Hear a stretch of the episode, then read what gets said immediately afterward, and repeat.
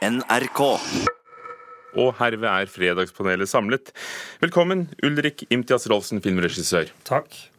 Inger Merete Hobbelstad, kritiker og kommentator i Dagbladet. Takk. Og Synne Øverland Knutsen, sjef for Fanfare, som er en utgiver av kunstnerisk produksjon. Takk for det. Var det riktig sagt? Ja, det syns jeg. Vi går rett på. Emneknaggen metoo, jeg også, har gått som en farsott på sosiale medier. Det handler om anklagene mot filmprodusent Harvey Weinstein, som har resultert i at tusenvis av kvinner i mange land står frem med egne historier om seksuelle overgrep og trakassering. Er dere overrasket over omfanget dette har fått? Synne. Nei. Inger Merete. Nei. Ulrik. Nei.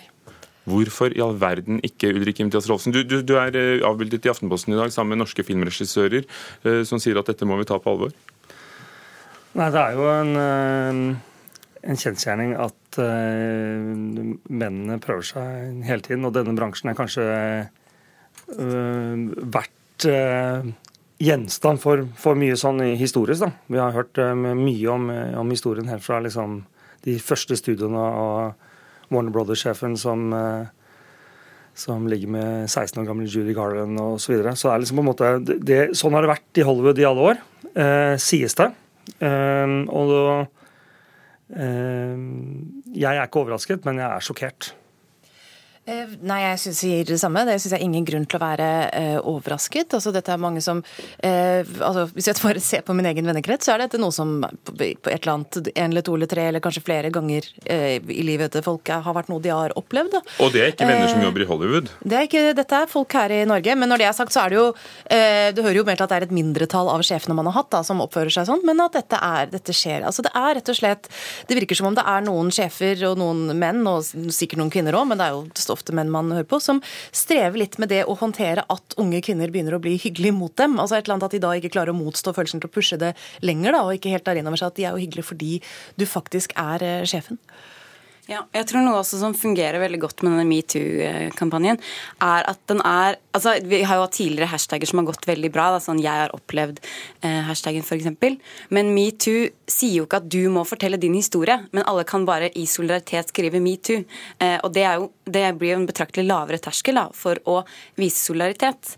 Eh, og jeg tror også det speiler veldig godt den Weinstein-saken, fordi der sier jo mange av disse jentene som har stått fram, at disse Fox News-sakene har vært viktige for at de skal tørre å stå fram, fordi det nytter. da.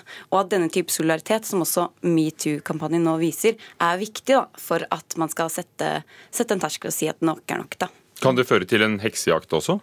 Eh, Det kan potensielt ha eh, negative ringvirkninger. Nå må jeg si at jeg tror de aller fleste eh, konsekvensene av dette er veldig positive. At den bevisstgjøringen er veldig veldig sunn.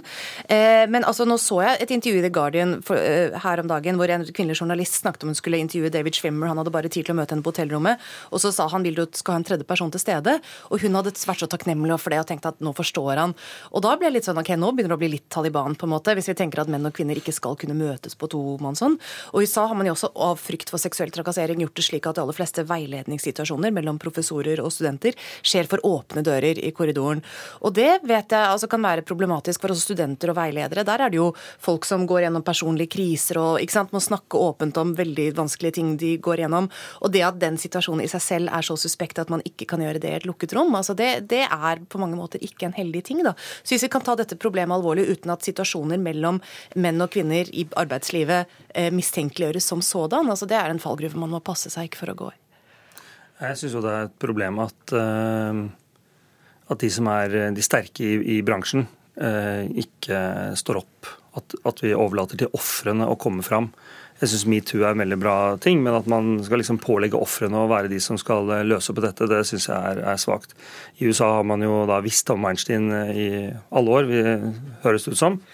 Eh, Og i, Norge så føler jeg at eh, det er viktig at eh, filmbransjen og f.eks. Norsk Filminstitutt sier at skjer det, så får du ikke støtte. Får ikke støtte til neste film.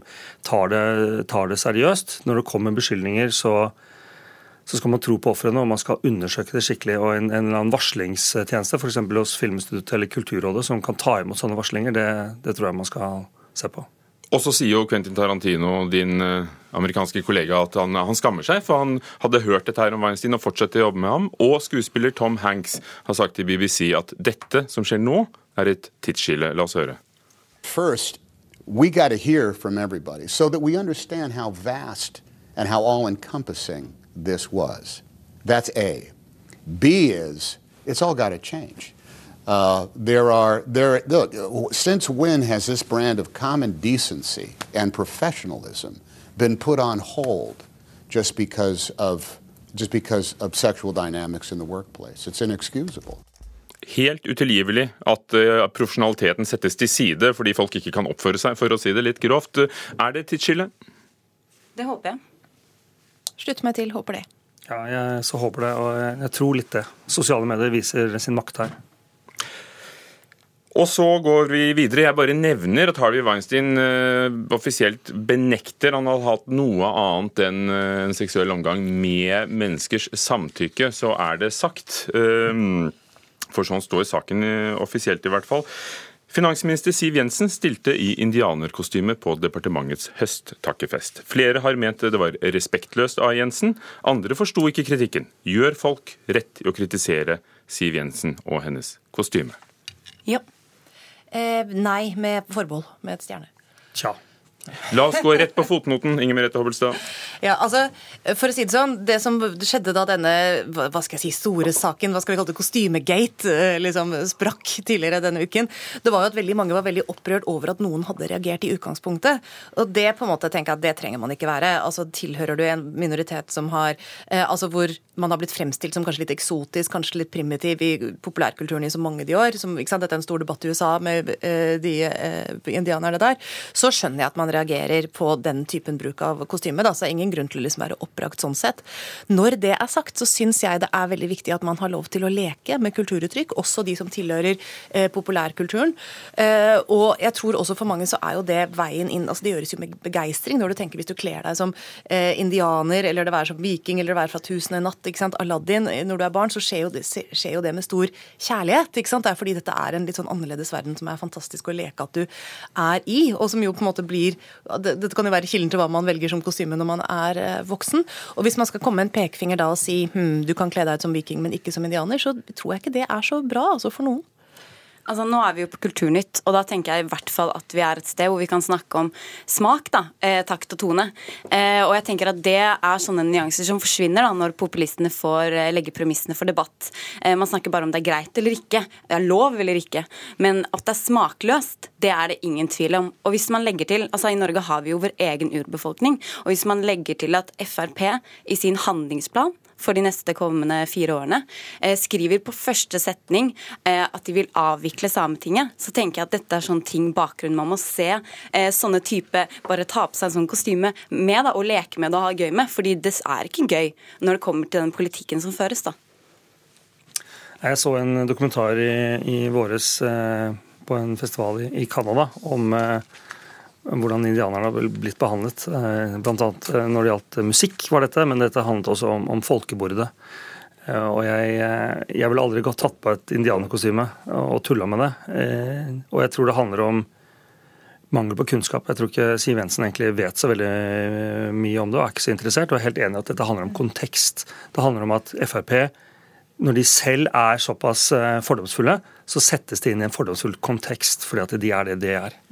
Jeg kan for øvrig legge til her at jeg er enig i det at altså når Siv Jensen er, hun er statsråd, hun har en representativ rolle, da bør man kanskje tenke seg om at man vet at slike de kostymene er kontroversielle. Så det, eh, at det er et spørsmål om dømmekraft her, er det også. Så tenker jeg også at Nå er vi jo flytta litt debatten her, for nå er det ikke nødvendigvis bare Siv Jensen man skal kritisere. Men hva skjer med at alle toneangivende sosialdemokrater at det går sport i å si hvordan man morsomt kan, morsomt kan si at dette er helt greit? For det er jo først, det er ikke venstresiden som blir påkalt her. Det er jo først og fremst urbefolkning som har blitt tråkka på, og ikke venstresiden. Vi vender tilbake apropos statsråder til regjeringskvartalet i våre siste minutter. Mandag denne uken leverte et av lagene som ikke vant arkitektkonkurransen om å bygge de nye husene, en formell klage på Statsbygg og hele konkurransen, og flere har støttet dem. Det snakket vi om i Kulturnytt her hele denne uken. Bør dette bli begynnelsen på slutten for de planene som ligger der? Ja. Ja. ja. Og hvorfor? Det hadde vært en drøm, men jeg tror ikke jeg tror, er, eh, det, jeg tror ikke det skjer. For jeg tror det er så mye som står på spill nå, så mye ressurser som er satt i gang, så mange folk. Og jeg tror den stormen man ser nå, er bare minimal mot den man ville fått hvis man hadde endra planene. Men det hadde vært en drøm. Det er mange fine forslag ute, og bevaringsideen også god. Altså, i, utgangspunktet er det jo premissene for hele konkurransen som burde vært endret. For de aller fleste instanser mener jo at det å klasje så mange bygg sammen på så litt sted var en dårlig idé, men det er vel et enda spinklere håp enn håpet om at det skal gå til bakken av disse grunnene. Nei, eh, Uryddige prosesser er alltid farlig. Eh, jeg sitter selv i Oslo bystyre og vi har sånn parallelle saker. Eh, og det blir mye klager hvis, hvis, premissene og gjennomføringen av konkurransen har vært dårlig eller rusha eller sånne ting. fordi da, da, er, da er, det rom for tvil. da. Og den tvilen den, den får henge i luften. Takk skal dere ha, Fredagspanel Ulrik Imtias Rolsen, Inger Merete Hobbelstad og Synne Øverland Knutsen. Det var vår tilmålte tid her i Nyhetsmorgen i NRK. Klokken er straks tid for Dagsnytt.